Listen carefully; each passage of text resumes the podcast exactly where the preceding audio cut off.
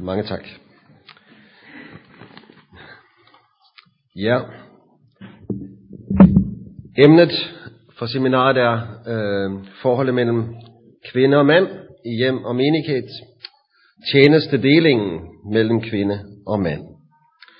Og øh, det er et, et emne, jeg meget gerne taler om. Øh, jeg oplever det altid som en stor rigdom for mig selv at tale om det, fordi det fører mig selv tilbage til det kald, jeg har i forhold til Leila, min kone og familien. Og det har jeg brug for igen og igen.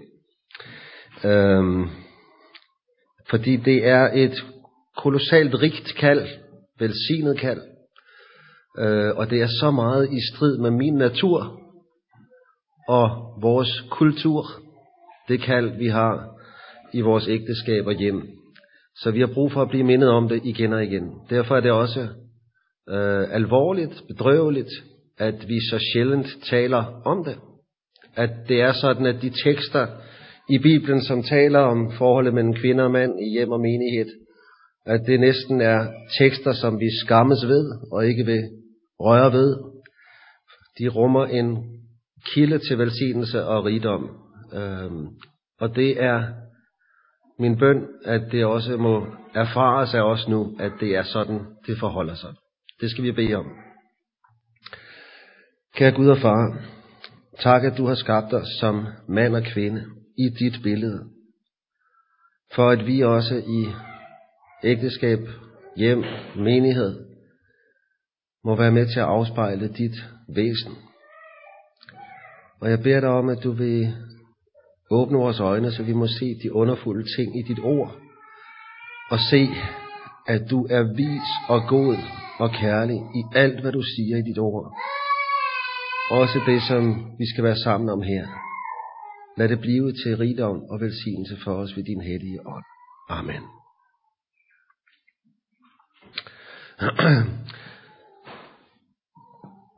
Forholdet mellem kvinder og mand i hjem og menighed. Og rækkefølgen er ikke tilfældig.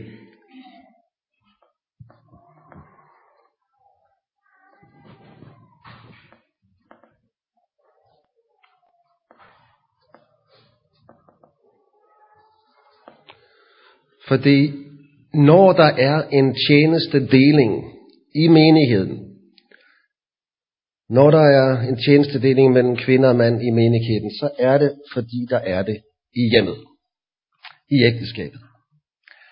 Og øh, når vi taler om disse ting, så kan vi have en øh, tilbøjelighed til at begynde i, i menigheden og spørge, øh, hvorfor får kvinder ikke lov at være præster?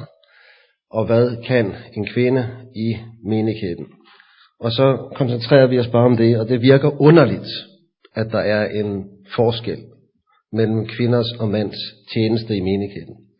Og vi kommer aldrig til at forstå det, hvis vi ikke begynder der, hvor at tjenestedelingen har sin grund. Og det er i forholdet mellem mand og kvinde i ægteskab og hjem. Og det er også kun, når vi begynder der, at vi ser, at denne tjenestedeling er en rigdom, en gave uden lige. Og øh, skal vi i vores tid slå værn om denne ordning, forholdet mellem kvinde og mand, så kan vi ikke nøjes med at have nogle skarpe meninger, som vi holder fast ved, selvom vi ikke forstår hvorfor. Vi har brug for at se, at det er en rigdom og velsignelse, at Gud har skabt os som mand og kvinde til at tjene hinanden på forskellige måder. Så vi med glæde slås for dette, kæmper for dette, fordi det er, det er livsvigtigt for os. Det er vigtigt for vores åndelige liv i ægteskab, hjem og menighed. Netop derfor sætter den onde ind, djævlen sætter ind for at nedbryde tjenestedelingen mellem kvinder og mand, for han ved, at den er afgørende for vores åndelige liv, for vores velsignelse øh, i ægteskab og familier. Og øh, kan han få brudt den ned i menigheden, så vil den også blive brudt ned i vores ægteskab. Når vi har i Danmark 15.000 skilsmisser om året, så hænger det sammen med, at det er lykkedes den onde at nedbryde det bibelske syn på forholdet mellem kvinder og mænd. Og øh, lykkes det for ham ind i vores kristne menigheder og udslette forskellen mellem mand og kvinde i menigheden, så vil det også ske i vores ægteskaber og hjem, og så vil vi opleve den samme tragedie og ulykke i vores ægteskaber og hjem. Og det er på vej. Men det må ikke ske. Og skal vi bevare os i et sundt liv med Jesus og med hinanden, så må vi få hjælp fra Guds ord til det. Og vi skal begynde med at læse Efeserbrevet kapitel 5. Efeserbrevet kapitel 5. Det er helt centralt i denne sammenhæng fra vers 21.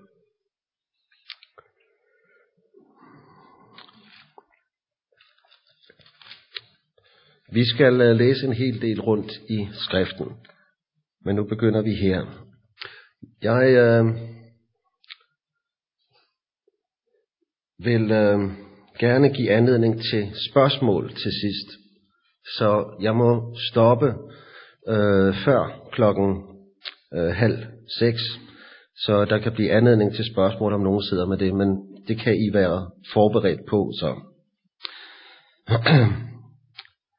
Jeg læser Efeserbrevet 5, vers 21. Underordne der under hver andre i Kristi frygt datterhustruer, underordne datter under deres egne mænd, som under Herren. For manden er kvindens hoved, ligesom også Kristus er menighedens hoved, han som er sit lægemes frelser. Men ligesom menigheden underordner sig under Kristus, så skal også hustruerne underordne sig under sine mænd i alle ting.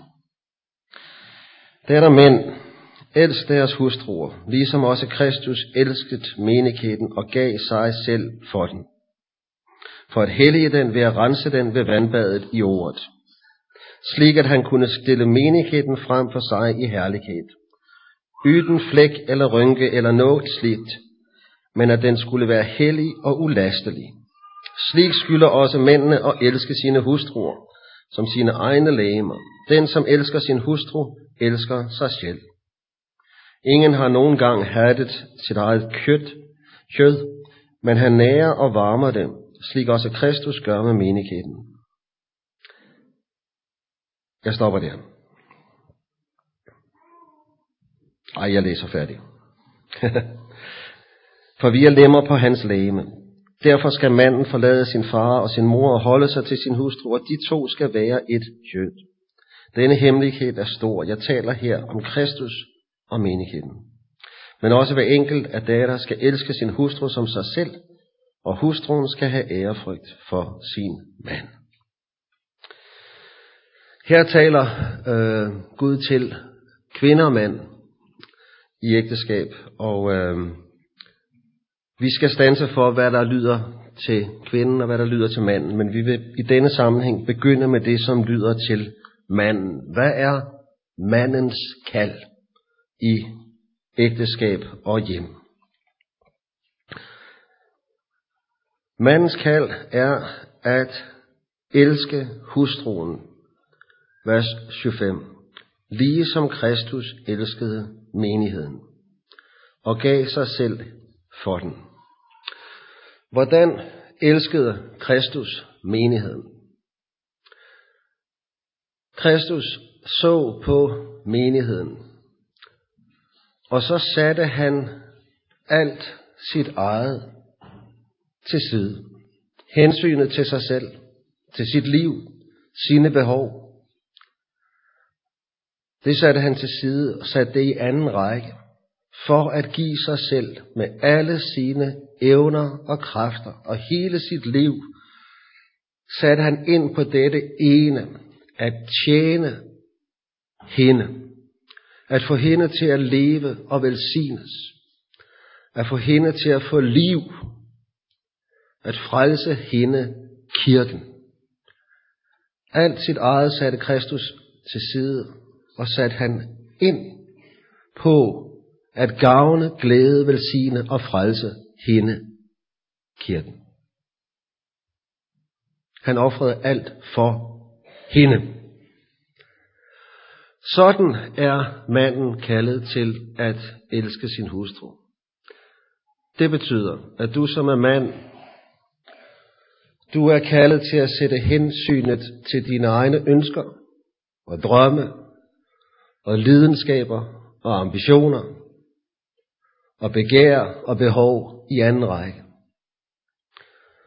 Og så ret din opmærksomhed mod din hustru.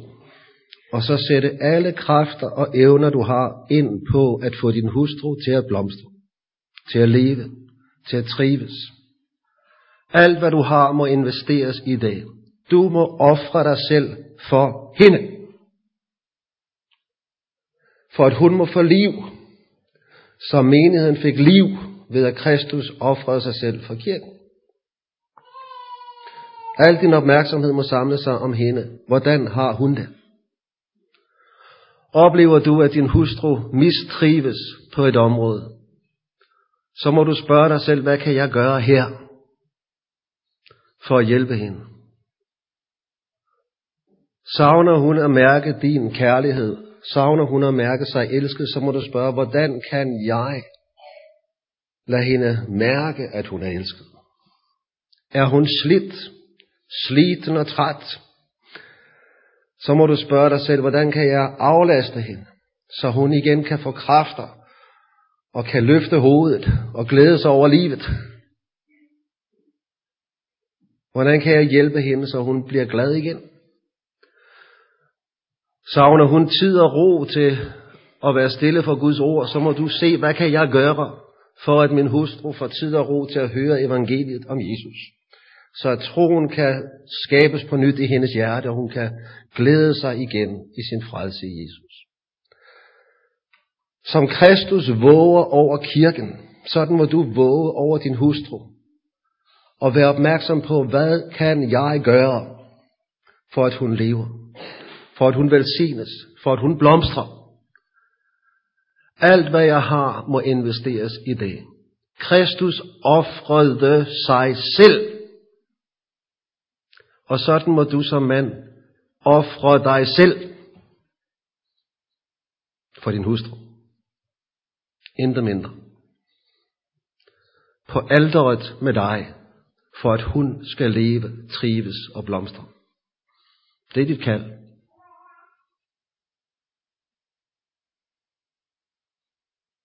Det er et stort kald, et rigt kald, et fantastisk velsignet kald.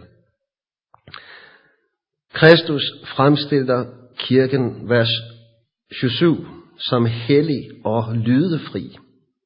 Og så hører du vers 28, sådan skylder også mændene at elske sine hustruer. Du som er mand, du er kaldet til at fremstille din hustru uden fejl for andre. Aldrig omtale hendes svagheder og fejl over for andre, og at trække hende ned i andres ansigt. Men at tale godt om din hustru. Har hun fortjent det? Har kirken fortjent, at Kristus fremstiller kirken hellig og lydefri? Kristus elsker kirken. Han offrer sig for den, og han tilgiver den. Sådan er du som mand kaldet til at tilgive din hustru. Og fremstille hende hellig og uden fejl. Har hun fortjent det? Har kirken fortjent, at Kristus elsker kirken, offrer sig for den og fremstiller den hellig og uden fejl? Sådan er du kaldet til at elske din hustru. Kan du mærke reaktionen fra gamle Adam? Ja, han reagerer altid, når Gud kommer med sit velsignede kald til os. Dit endelige og største mål for din hustru, det er at føre hende til himlen, så at hun kan stilles frem i herlighed, i evighed. Vers 27. Dit kald er at hjælpe og støtte din hustru, så at hun kan nå målet i himlen. Det er dit første og største kald som mand. Det indebærer også, at du som er mand, du er den åndelige leder i hjemmet, i øh, ægteskabet. Du er hjemmets præst, så at sige. Og øh, det er et dyrebart stort kald, som du ikke kan ryste af dig. Men du må se det som dit største kald i Guds rige. At føre din hustru og dine børn til himlen. Alt må du ofre for det. At få hende til himlen og få dem til himlen. Når dette er dit kald, så indebærer det ikke, at du skal være en viljesløs og selv udslettende assistent for din hustrus ønsker. Det er ikke det, der er tale om. Var Jesus sådan i forhold til sine disciple? Nej. Han var myndig. Han var viljestærk. Han var mål medveden, målbevidst. Han havde en styrke, som gjorde, at hans disciple kunne læne sig op af ham. Han var en klippe. Men han var en leder, som ledte ved at tjene dem. Vaske deres fødder. Gik der noget af hans myndighed ved det? Nej. Han var myndig. Men i sin myndighed, der tjente han disciplene. Du er kaldet til at være myndig, mandig, og bruge al den styrke, du har som mand, og hele den vilje, du har, karakter. Men brug den til velsignelse for hustru og børn og familie. Al din styrke er der brug for. Du skal slet ikke være svag på nogen måde her. Men du skal bruge den styrke, du har til tjeneste. Det er en helt anden lederrolle, end vi normalt tænker os. Det er ikke noget med at herske, men at lede. Mål bevidst, målrettet og tjenende. Prøv at slå op på Lukas 22. Lukas evangeliet 22.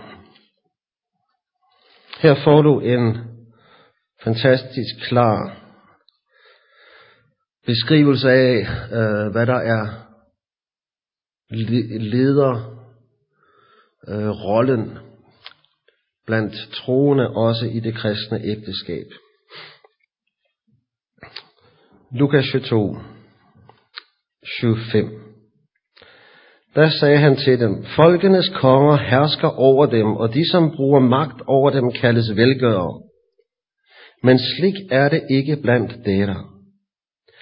Den største blandt dere skal være som den yngste, og lederen skal være som tjeneren. I den danske oversættelse så har vi oversat det sådan her. Lederen som den, der tjener. At være leder i den kristne menighed, det er at være en, der tjener. Sådan var Jesus der. Og sådan er du kaldet til at være det som mand i forhold til din hustru. Skal manden kunne gå ind i denne rolle, skal du kunne gå ind i den rolle som mand, så er der to ting, som er afgørende. Den første er, at du lever Gud nær. I personlig omgang med Guds ord og tilegnelse af dette ord. Så at du fornyes og bevares i troens glæde over Jesus, som har tjent dig så lægges hans sind ind i dit hjerte. Og så drives du indefra til gerne og ville tjene din hustru og din familie. Kristi sind lægges ind hos dig. Og du ser, at det er stort at lede ved at tjene. Det er ydmygende for min gamle natur, ja, men det er rigt og velsignet. Herre, jeg vil gerne tjene. Tjene dig og dig alene. Tag og brug mig, som du vil. Det ønsker den bøn lægges ind i dig ved troen. Du må leve i tilegnelse af ordet, så at denne vilje til at tjene indefra fornyes hos dig. Og så bevares også dine åndelige sanser skarpe, så du kan være en god leder åndeligt i ægteskab og hjem. Så du har dømmekraft, så du kan lede familien og sige, denne forsamling må vi komme i. Ikke denne forsamling. Nej, for det er her, at der tales om lammet. Og her tales der ikke om lammet. Og vi har brug for at høre om lammet. Skal du kunne lede din familie åndeligt, og skal du kunne vidne for dine børn om Jesus, så må du selv leve i tilegnelse af Guds ord og evangelium. Kun der bevares du med åndelig skarpe sanser og åndelig dømmekraft. Så at du kan lede, og så at også børnene får lov at vokse op i et hjem, hvor de mærker, at far elsker Jesus, og det er godt at tro på Jesus. Det at være åndelig leder i et kristent hjem som mand, det handler ikke om at få børnene til at sige det rette, og mene det rette, og gøre det rette, og sidde stille, når de er i bedehuset. Det er fint. Men det er ikke det afgørende. Det afgørende er, at far får lov at vidne om Jesus som vores frelser. Og det er godt at tro på Jesus. Og at far lever i denne tro, så han kan give det videre som en rigdom. Tænk, vi får lov at have Jesus. Herligt. Kan give det videre som et liv. Vores tidligere, det er noget tid siden, vi havde en generalsekretær i Danmark i Indre Mission. Han fortalte mig, hvordan han oplevede det, da hans forældre blev omvendt. Han var 11 år gammel. De var med til en møderække. Så mødte de Guds ord og evangeliet om Jesus, og de blev frelst. Og han siger, da, da far og mor blev frelst, der var det som om, at gardinerne blev rullet op, og lyset strømmede ind i hjemmet. For nu var Jesus her. Og det var fars og mors rigdom og glæde. Og det, det prægede dem, de havde Jesus. De havde livet. Og det var godt at tro på Jesus. Og jeg har ikke noget større ønske for mig selv i vores hjem, end at vores børn kan sige det samme, at der var lyset. For Jesus var der, og det var godt at tro på Jesus. Skal du kunne være leder i ægteskab og hjem, så må du leve i tilegnelse af det ord, som gør Jesus stor for dit hjerte. Og så må du for det andet som mand, du må leve Gud nær, og så må du leve din hustru nær. For skal du kunne lede, så det bliver til velsignelse og gavn for din hustru, så må du kende hende, og så må du vide, hvordan hun har det, hvad hun har behov for, hvad der er svært for hende. Og så må du tænke på det også i de dispositioner, I skal træffe som familie. Og jeg tror ikke, der er nogle gode kristne ægteskaber, hvor det ikke er sådan, at når man skal træffe valg og dispositioner, så taler man om det. Og det er en, en, en stakkels mand, som ikke øh, søger også at få råd fra sin hustru i de spørgsmål. Og man taler sammen om det, og man finder en løsning. Og som regel er det noget, man ganske enkelt bliver enige om. Men skulle det ske, at man ikke kan blive enige, så er det dig som mand, der må træffe valget til sidst. Og der må du træffe det valg, som ikke nødvendigvis er det mest behagelige for dig. Men det, som er til størst glæde og velsignelse for hustru og familie.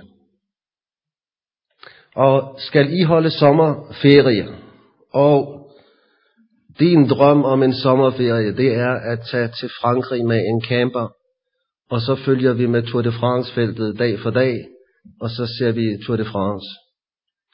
Og din hustru siger, nej, vi skal, øh, det er meget bedre, at vi tager en hytte på fjellet og er sammen som familie. Og I kan ikke blive enige. Når I så ikke kan blive enige, så er det dig som mand, der må træffe valget.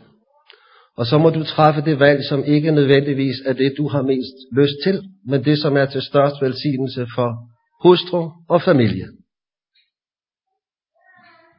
Hvad er så vitsen med at være mand? Hvis det er sådan, jeg skal træffe valg. Vitsen er, at er det sådan, du træffer valg, så får du en hustru, som kommer dig i møde med åbne arme og åbent hjerte. Så får du et velsignet ægteskab, og så får du nogle børn, der er trygge ved deres far og glade for deres far, og som trives. Det er kongevejen til et velsignet ægteskab. Intet mindre. Og det er ydmygende for dig, men det er uendelig velsignet. Og vi ved det godt. Vi har brug for at blive mindet om det. Vi skal se på et par ord mere, der taler om mandens kald. 1. Peters brev, kapitel 3.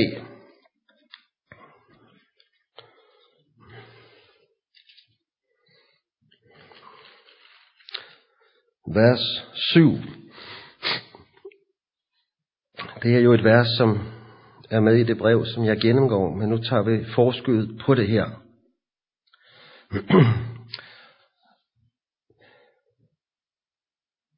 Så skal også dere ægtemænd leve med forstand sammen med deres hustruer, som de svagere kar.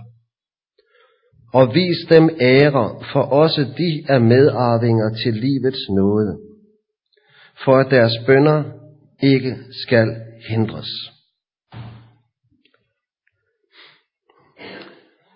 Det er jo nok et af de vers, øh, som vi i vores tid sjældent tager frem, og det er en stor, stor skam. Det som dette vers øh, minder os om, det er, at på visse områder har manden en større styrke end kvinden. Hun er det svage kar. Og det er hun i hvert fald øh, i fysisk forstand. Du som er mand, du er stærkere end din hustru. Og sådan har det altid været, og sådan vil det blive ved at være. Går du til en hedensk kultur, så får mandens styrke to konsekvenser for forholdet mellem mand og kvinde. Manden bruger sin fysiske styrke og overlegenhed til to ting. For det første til at definere kvinden som mindre værdig end ham. Hun har ikke samme værdighed og ære som en mand for hun er svag. Og det andet, han bruger det til, det er at pålægge kvinden det hårdeste arbejde og det dårligste arbejde. For det har han magt til at gøre, så det gør han. Er der nogen her, som har været missionærer i Afrika? Når jeg snakker med missionærer fra Afrika, så bekræfter de det, at i den hedenske kultur, der bruger manden sin styrke til at pålægge hustruen det hårdeste arbejde. Arbejdet med at hente vand, arbejdet med marken, arbejdet med at, at lave mad. Han har styrken, og han bruger den til at pålægge hende det hårdeste. Sådan er det ikke i samme grad i vores vestlige verden. Hvorfor er det ikke det? Hvorfor har kvinden en høj stilling i vores vestlige kultur. Det har en hovedårsag, hvis I spørger historikerne. Og årsagen er her. Når kvinden i den vestlige kultur er blevet løftet op i ære og værdighed, så skyldes det Guds ord. At det kristne budskab har lyttet. Og at kvinden er blevet løftet op til at have samme ære og værdighed som manden og at manden er blevet mindet om ikke at bruge sin styrke til at pålægge kvinden det hårdeste arbejde, men bruge den til at tjene hende. Det skyldes et vers som dette her. Det som verset minder os om som mænd, det er, at du skal vise din hustru ære for også hun er medarving til livets nåde.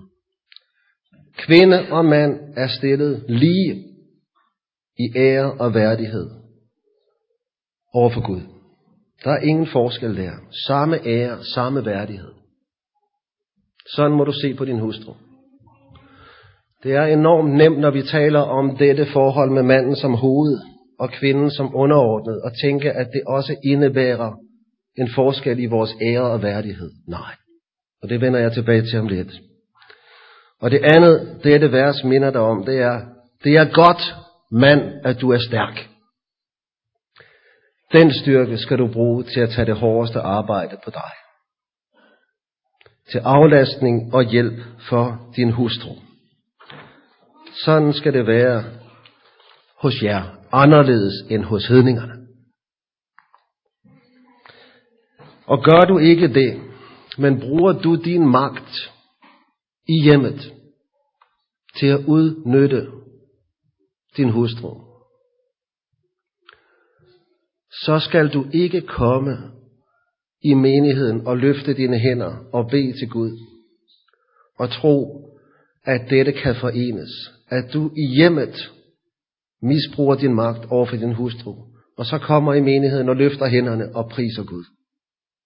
Dine bønder bliver ikke hørt. Det siger Peter her. Hvis du trodser Guds kald i hjemmet i forhold til din hustru, og misbruger din magt der, så er det her, du må få bragt tingene i orden først. Og du kan ikke misbruge din magt i ægteskab og hjem, og så kompensere ved at komme hen i menigheden, og så være meget åndelig der, at tjene. Dit kald og din tjeneste begynder i hjemmet. Og tjene din hustru først, din familie. Og så kan du komme sammen med din hustru og dine børn i menigheden og bede til Gud. Ja. Det var mandens kald. Så går vi tilbage til Efeserne 5. For at tale om kvindens kald.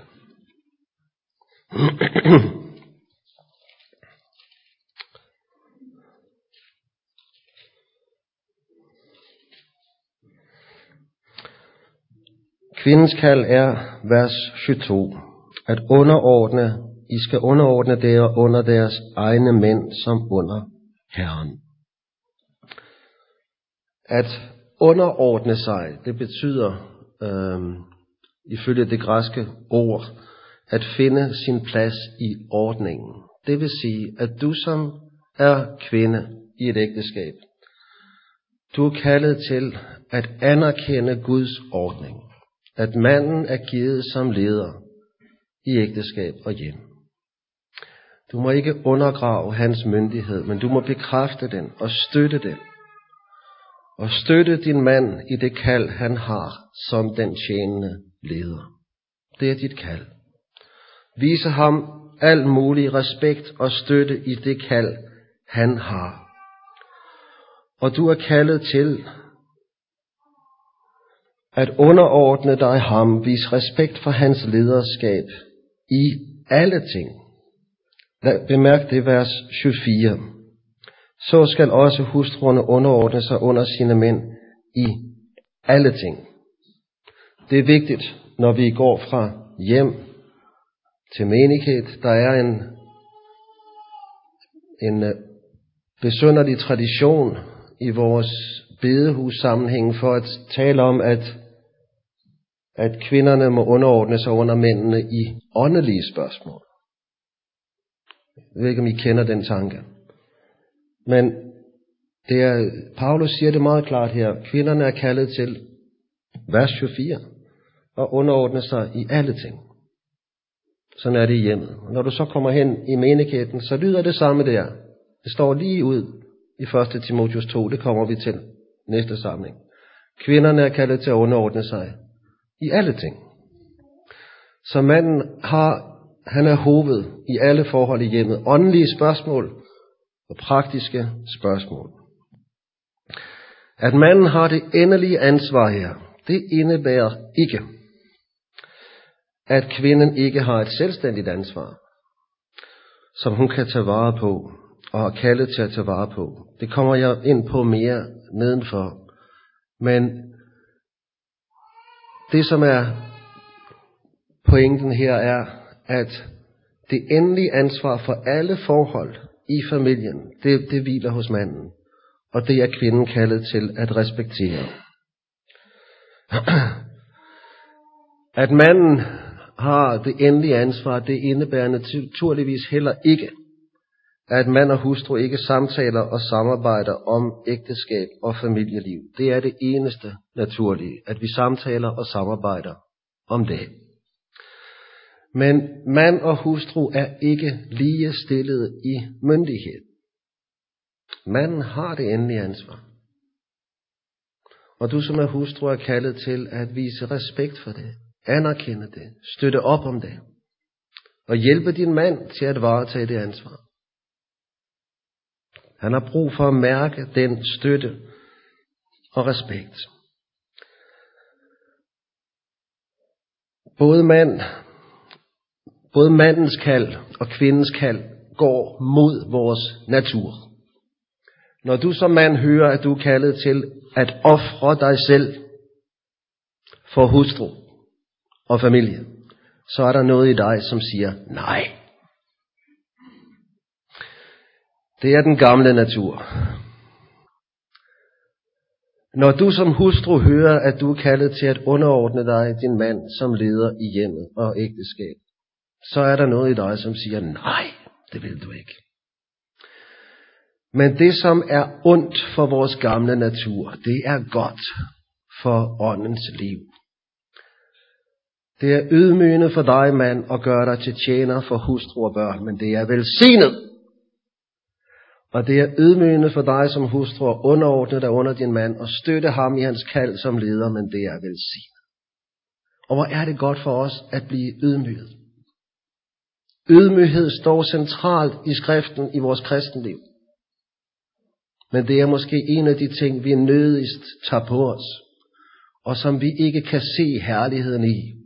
Men her er vi begge placeret i en ydmyg rolle over for hinanden. Du som mand, som tjener for hustru og familie. Og du som kvinde i den rolle, hvor du underordner dig under manden og støtter ham i hans lederrolle. Og hvor vi gør det, der går kongevejen til et velsignet og godt ægteskab. Når vi er medarbejdere på hinandens glæde. Når vi hver især ydmyger os for hinanden og tjener hinanden. Der vokser et velsignet ægteskab og familieliv frem. Det er Guds rige gave, at han har givet os denne ordning. At kvinden, vi skal have en ting mere med her.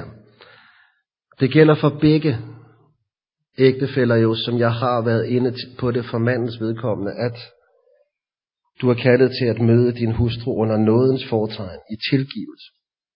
Og det gælder også, og vi har brug for det som mænd, at I hustruer tilgiver os alle vores svigt og fald og fejl. Jeg tror, noget af det, som kan gøre det svært at lytte til, også for os, som sidder, jer der sidder her, det er, at I som er mænd, I ved, at I har svigtet her. Og I har brug for tilgivelse for jeres hustruer. Det har jeg brug for igen og igen i forhold til min hustru. Og tilsvarende har I hustruer brug for mændenes tilgivelse, når I ikke har støttet dem og anerkendt dem øh, i deres lederrolle, som de havde behov for det, men blev ved med at minde dem om deres fejl og svigt. De havde brug for tilgivelse. Og I har brug for tilgivelse, også for for der, hvor I har svigtet. Vi har brug for at møde hinanden under nådens fortegn. Efeserne 4, 32. Vær gode mod hver andre. Vis barmhjertighed, så dere tilgiver hver andre. Lige som, Christ, ligesom Gud har tilgivet dere i Kristus. Det er et hovedord for forholdet i ægteskabet. At kvinden er kaldet til at underordne sig under manden, det indebærer ikke.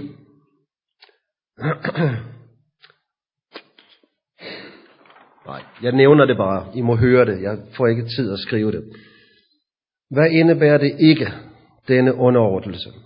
Den indebærer ikke, en opløsning af det fulde ligeværd. Mand og kvinde er begge skabt i Guds billede og har samme ære og værdighed over for Gud. Men indbyrdes tjener vi hinanden i forskellige roller. Det er, hvad der er tale om. Samme ære og værdighed, mand og kvinde, lige fuldt og helt skabt i Guds billede. For det andet, at hustruen underordner sig under manden, det indebærer ikke en begravelse af nogen egne ressourcer. Der er ingen ressourcer hos en kvinde, som ikke kan komme til fuld udfoldelse i et kristent ægteskab. Og det gælder hvad enten det er ressourcer og udrustning af åndelig art, intellektuel, social, kreativ, administrativ, økonomisk, sågar ledelsesmæssig karakter.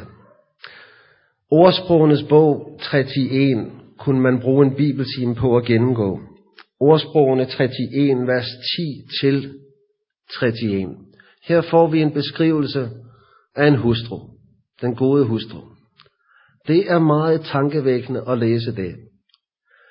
Og høre, hvad en hustru kan udfolde i et troende ægteskab. Jeg skal ikke læse teksten, men jeg skal bare nævne nogle af de ting, som siges om hustruen. Denne troende hustru i ordsprogene 31. Der står, hun skaffer føde til sin familie. Hun henter denne føde langt væk fra. Hun overvåger, hvad der sker i hendes hus. Hun giver ordre til sine piger. Hun giver ikke ordre til mænd, men hun kan have ledelsesmæssige evner, så hun kan give ordre til sine piger. Hun køber efter moden overvejelse en mark, og hun planter en vingård. Hun sørger for, at alle i husstanden er klædt varmt på, når det bliver vinter. Hun laver tøj og bælter, som hun sælger til købmanden. Hun åbner sin hånd for hjælpeløse og fattige. Hun tager til ord med visdom og venlig belæring. Hun er klædt i styrke og anseelse, og hendes mand berømmer hende. Alt dette udfolder hun i et ægteskab. I anerkendelse af mandens lederrolle. Og når manden mærker, at hans hustru anerkender, at han er leder, så kan han med frimodighed opmuntre hende til at udfolde alt det. Han har det ledende og endelige ansvar for alt. Men er det hustruen, som har den bedste økonomiske sans, så kan det jo være, at det er hensigtsmæssigt, at det er hende, som ordner regnskaberne.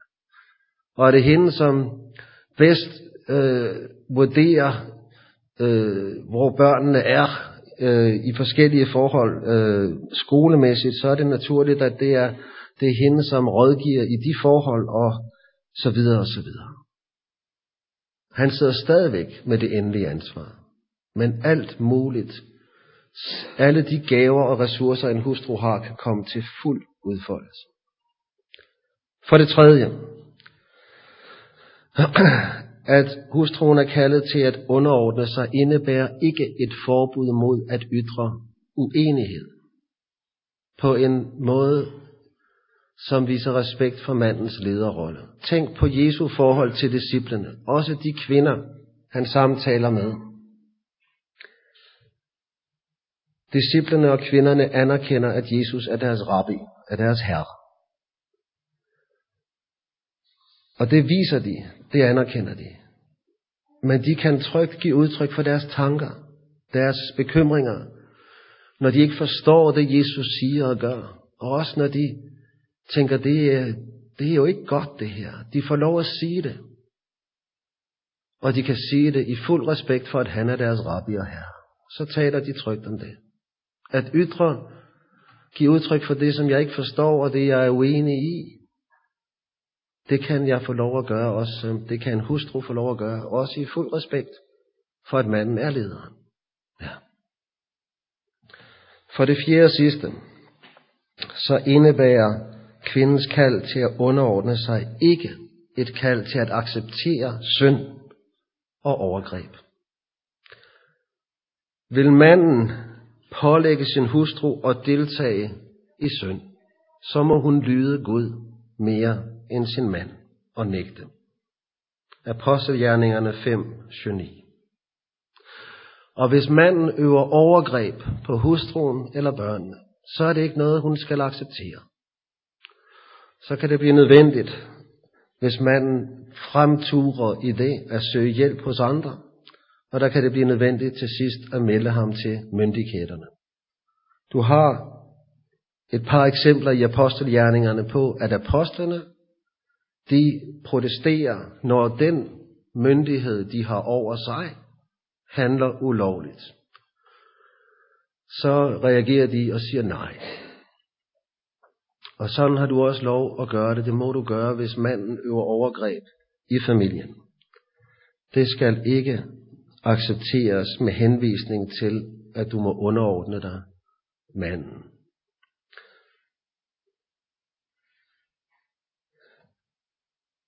Nu har jeg ikke meget tid tilbage. Jeg vil gerne have sagt lidt mere her. Det kristne ægteskab er ikke et autokrati, hvor der er en, som har magten og bruger magten til at fremme egne interesser. Men det er heller ikke et demokrati, hvor to selvstændige og uafhængige parter forhandler sig frem til løsninger, ud fra hvad de hver især tænker gavner dem selv mest. Det er sådan, vi tænker i vores nordiske kulturer i dag om ægteskab. Et demokrati, hvor man har lige rettigheder og må kæmpe for sin ret i forhandlinger. Og så kommer den gamle natur til udfoldelse. Det er det, som sker, hvor Guds ordning for ægteskabet brydes ned. Så kæmper jeg for min ret som mand. Og min hustru kæmper for sin ret. Og så kommer den gamle natur til udfoldelse, og så nedbrydes ægteskabet indefra. Guds ordning er velsignet anderledes. Her er jeg kaldet til at se på min hustru og gøre mig til tjener for det, som gavner hende, ægteskabet og familien. Og hun må se på mig som sin ægtemand og leder og støtte mig i dette kald. Og vi er samarbejdende på hinandens glæde. Og den gamle natur trykkes ned. Dagligt må jeg minde mig selv om, at jeg skal ikke følge min gamle natur i ægteskabet, men at gøre mig til tjener. Og give plads for det liv, som Kristus har lagt ind i mig ved troen. Det er vejen til velsignelse i ægteskabet. Vi skal se på en enkelt tekst fra Gamle Testamente. Helt grundlæggende. Fordi den ordning, vi nu har læst om i Nytestamentet, den er indstiftet med skabelsen. Første Mosebog, kapitel 1. Og jeg vil gerne have sagt noget mere om det, men det bliver ikke. For der skal være et par minutter til spørgsmål. Men bare øh, to vers her.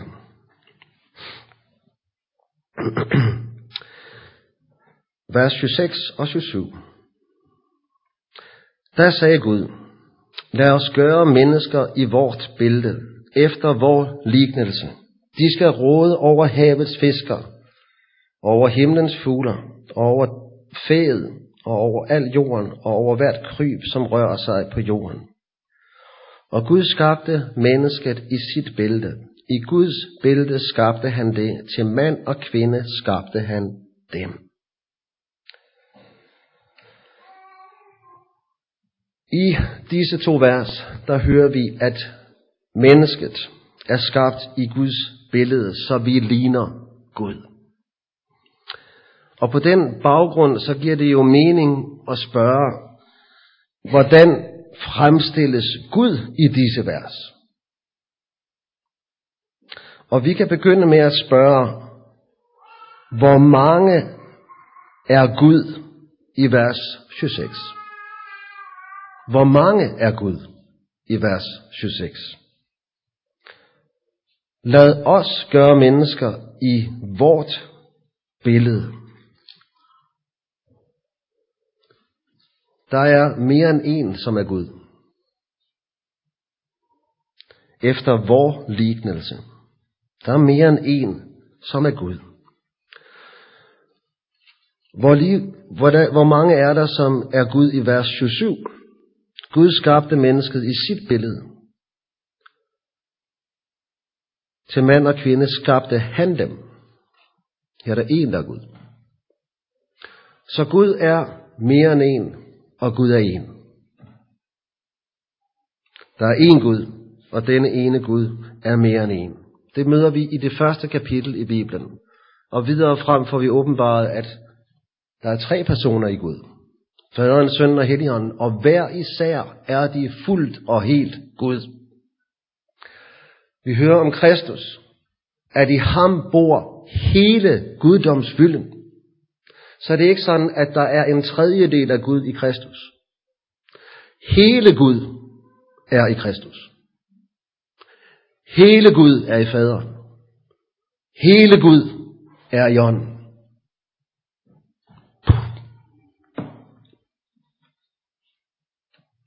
Det sprænger det, vi forstår. Og så er der i Gud et underordnelses- og overordnelsesforhold. Faderen er overordnet sønnen. Sønnen er underordnet faderen. Vi hører i 1. Korinther 15, at når Kristus har underlagt alt under sig, så underlægger han sig selv under faderen. Og så er Kristus også i evighed underlagt faderen. I evighed er Kristus underordnet faderen. Og han er lige og fuldt helt Gud. Er Kristus mindre værdig, fordi han er underordnet faderen? Nej. Han er Gud. Fuldt og helt.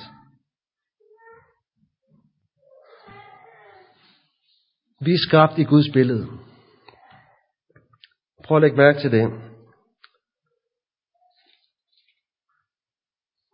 Vers 26. Der er mere end en, som er menneske. Lad os gøre mennesker i vort billede.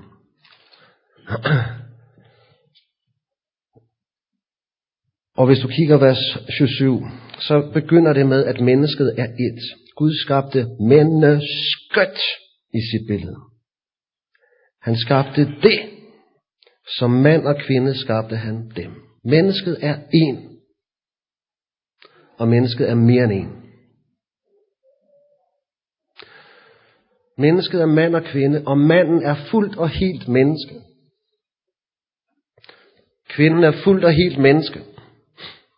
Og sammen er de mennesket.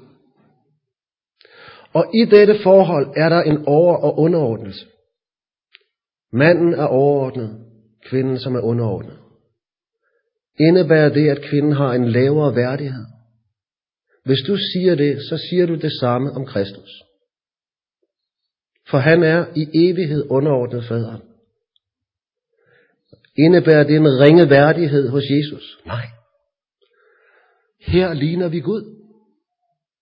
Faderen er overordnet sønnen. Sådan har det været fra evighed, og sådan er det i evighed. Manden og kvinden er mennesket, og der er en overordnelse og en underordnelse, som er en afspejling af Guds væsen. Og når vi lever i dette forhold, i vores ægteskaber og hjem, så afspejler vi Guds væsen. Det er paradisliv på denne jord. Det er det, som var engang, er nu og bliver i evighed. Jeg slutter med det. Og så er der anledning til, til spørgsmål her.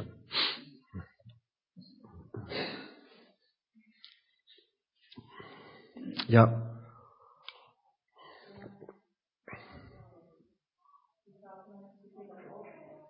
Er man Ja.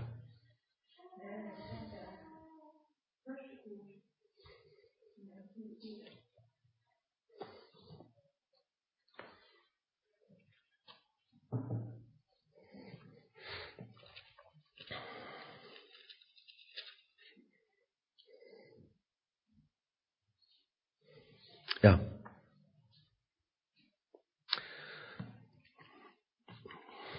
Det er godt, du spørger om det. Ja, 1. Korinther 7, 20. En hver må blive i det kald, han var i, da han blev kaldt. Og øh, undskyld. 24. 1. Korinther 4. 7, 4. tak.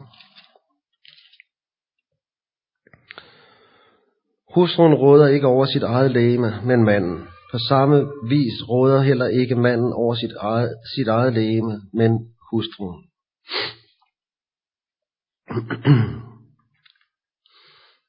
ja.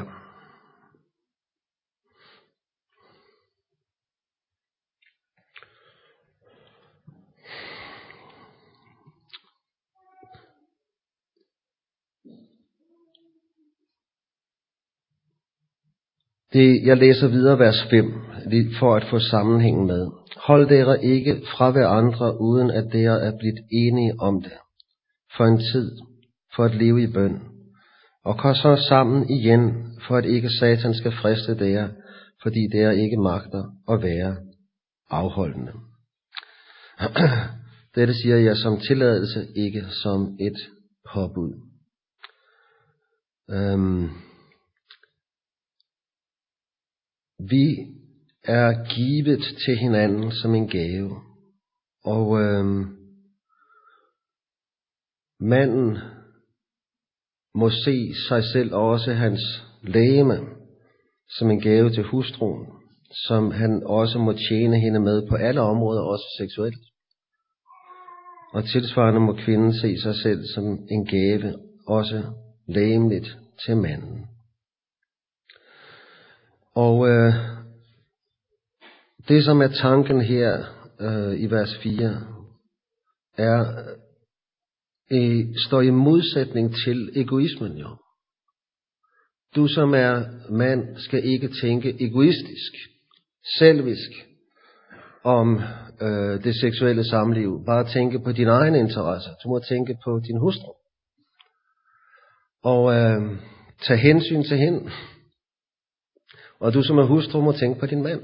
Det er et kald til øh, at leve sammen seksuelt i omsorg for den anden. Og i kærlighed til den anden.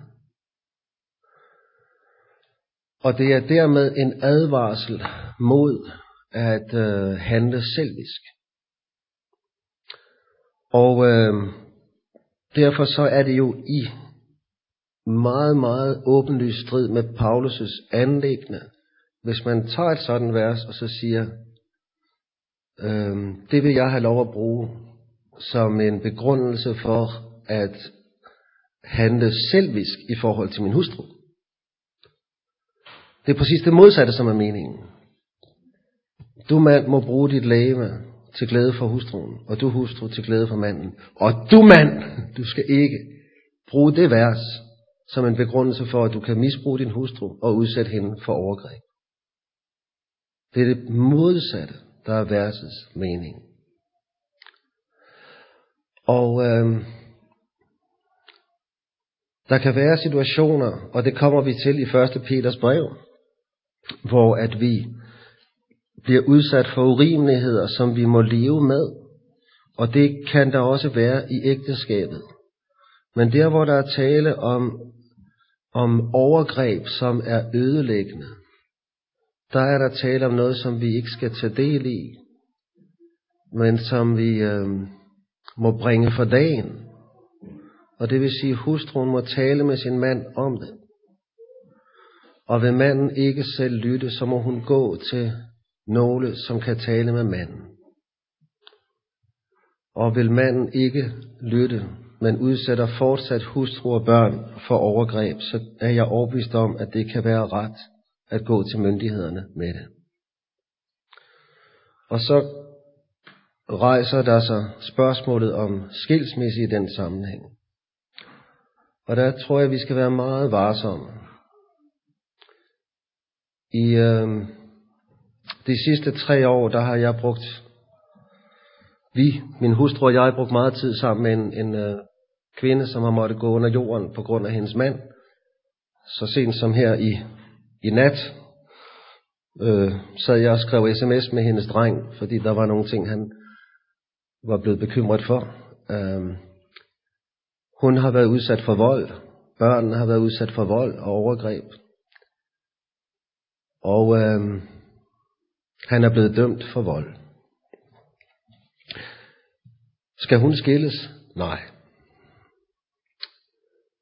Ifølge dansk lovgivning, så er det sådan, at man kan blive separeret. Og når du kan er separeret, så har du mulighed for at få politibeskyttelse. Du kan få fuld forældremyndighed. Du kan øh, få alle de økonomiske tilskud, som øh, man kan få som enlig.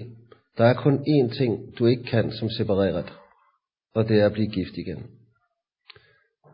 Og jeg kan forestille mig, at lovgivningen i Norge er meget lig den danske. Så det vi må anbefale i de tilfælde, hvor at der er tale om en mand, som øver overgreb og bliver ved med det, det er ikke skilsmisse, men det er, at man flytter fra hinanden i fuld og vedholdende respekt for, at ægteskabet er ubrydeligt. Men det indebærer altså ikke, at man accepterer overgrebene. Og der tror jeg, at vi må opmuntre hinanden til at øh,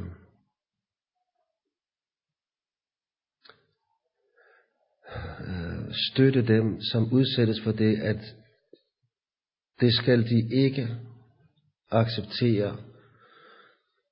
Heller ikke selvom deres mand henviser til øh, bibelske ord, som det du har nævnt her. Men det vil jeg meget gerne, at andre end jeg også kunne tale med. Og I sidder andre her, som har mere erfaring, end jeg har. Givetvis også med de her ting. Og øh, jeg tror, det spørgsmål her om overgreb i hjemmene, det bliver kun stadig mere aktuelt ind i vores kristne sammenhænge. Øh, vores kulturer bliver mere og mere perverterede på det seksuelle område, og det kommer ind i kristne hjem også. Så det er vigtigt, at vi kan rådgive og vejlede hinanden ret. Og jeg vil meget gerne, om andre kan supplere det, jeg har, har sagt her. Har jeg svaret på spørgsmålet? Ja.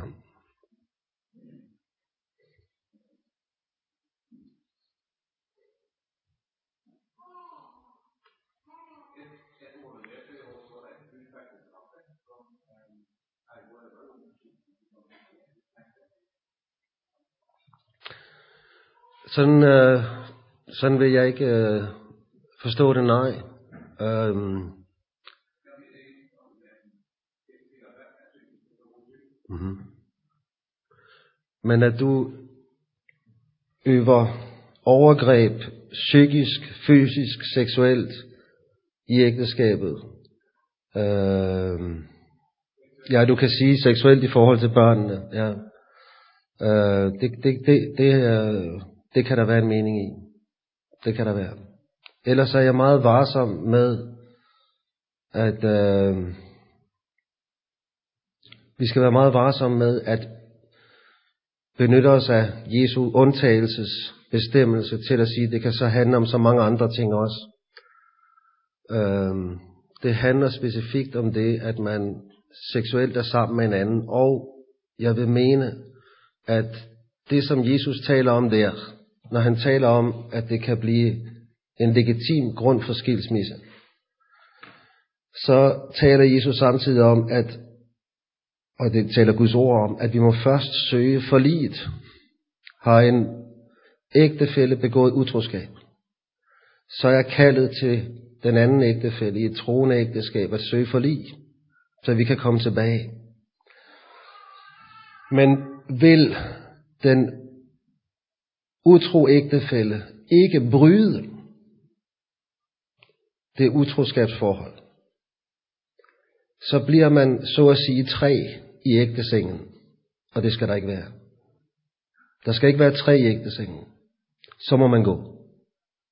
Men vil den utro ægtefælle gøre op med synden, så er det det, man må søge, for livet og tilgivelsen. Og dermed så mener jeg kun, der kan være tale om skilsmisse der, hvor en ægtefælle vil fremture i et utroskabsforhold, og hvor man ikke kan få gjort op. Ja.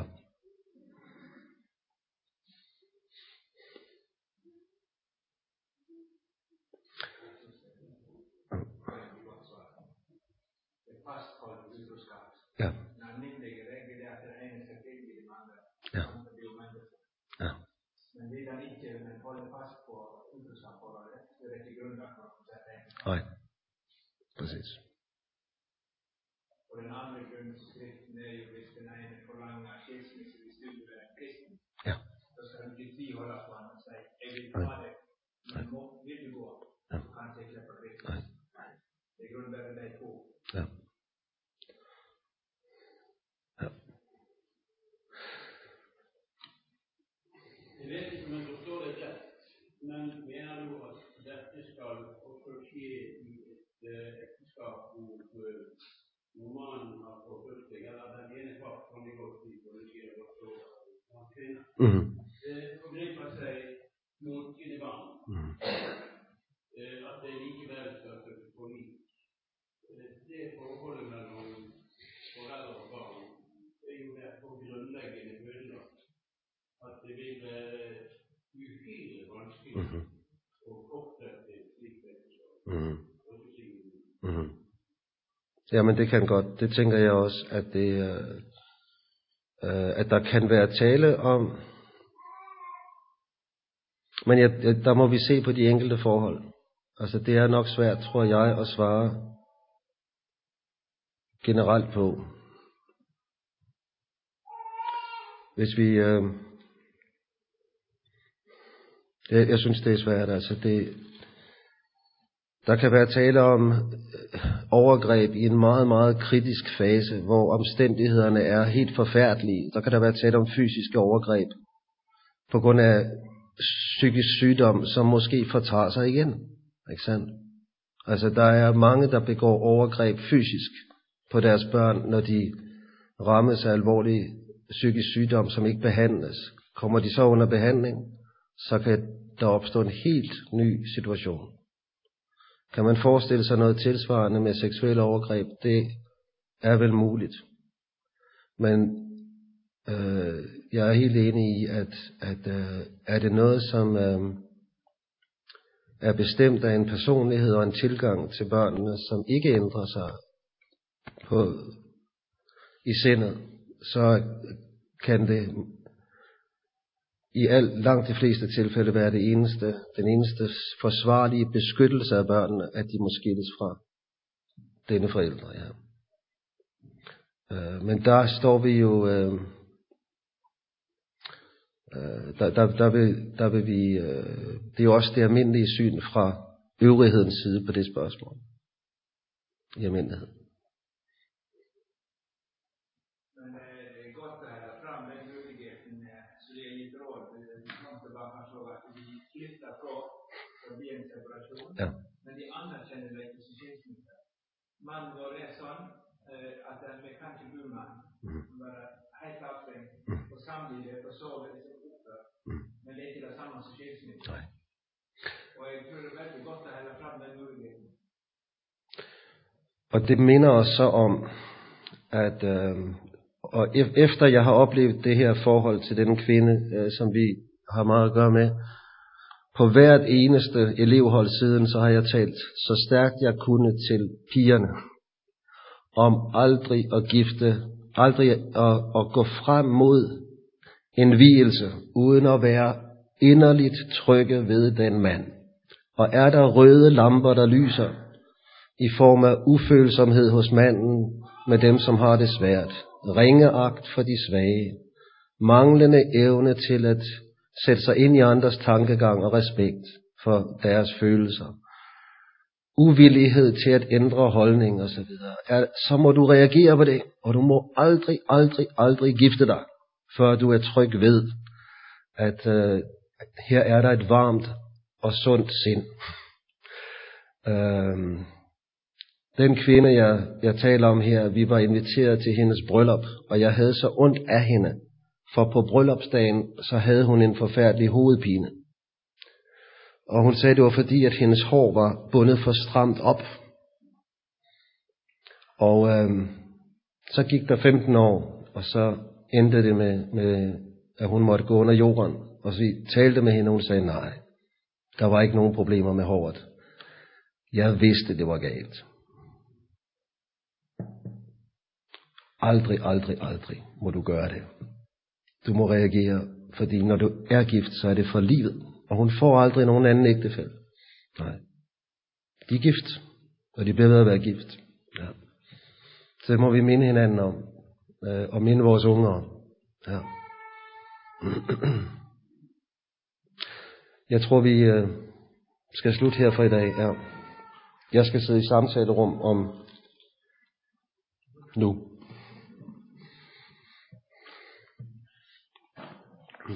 Ja, temaet fortsetter jo. Vi er ikke aldeles sikre på dagen, muligens onsdag, men det ser vi, vil vi se etter hvert.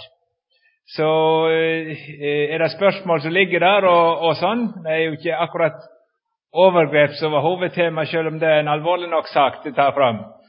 Så går det an å ta vare på spørsmålet og komme igjen med det når eh, temaet fortsetter. Eh, da tror jeg vi bare rett slutter med venn oss til Gud. Gud, la ditt ord i nåde lykkes og vokse både dag og natt, og kveles og med rot opprykkes ved plante du i celler satt. Vi ber deg, Herre, at ditt ord må få herske i våre heimer, våre ekteskap, og bære de frukter at vi blir evig salige, og at vi her i livet kan speile deg, du evige, gode og veldige Gud. Vi ber for hvert et ekteskap som er representert her. Herre Gud, ta deg av oss alle.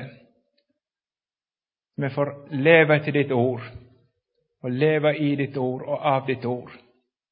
Og så vil vi takke deg inderlig for vårt vel lå på deg ifra evighet, så du ga deg sjøl, for å stille oss fram for Gud uten plett og lyte. Vi takker deg, Herre Jesus, at vi får rekne med deg så ser du landet vårt, hvor sånn trever det på dette området. Og i våre heimer og menigheter, hvor det ødelegges grunnceller, Herre Jesus. Vi legger saken på deg. Og så takker vi deg for at du ennå er hos oss i ditt ord. Vi ber deg om et åpent øre og en villig ånd til å ta imot ditt ord. Amen. Da takker vi for stunda.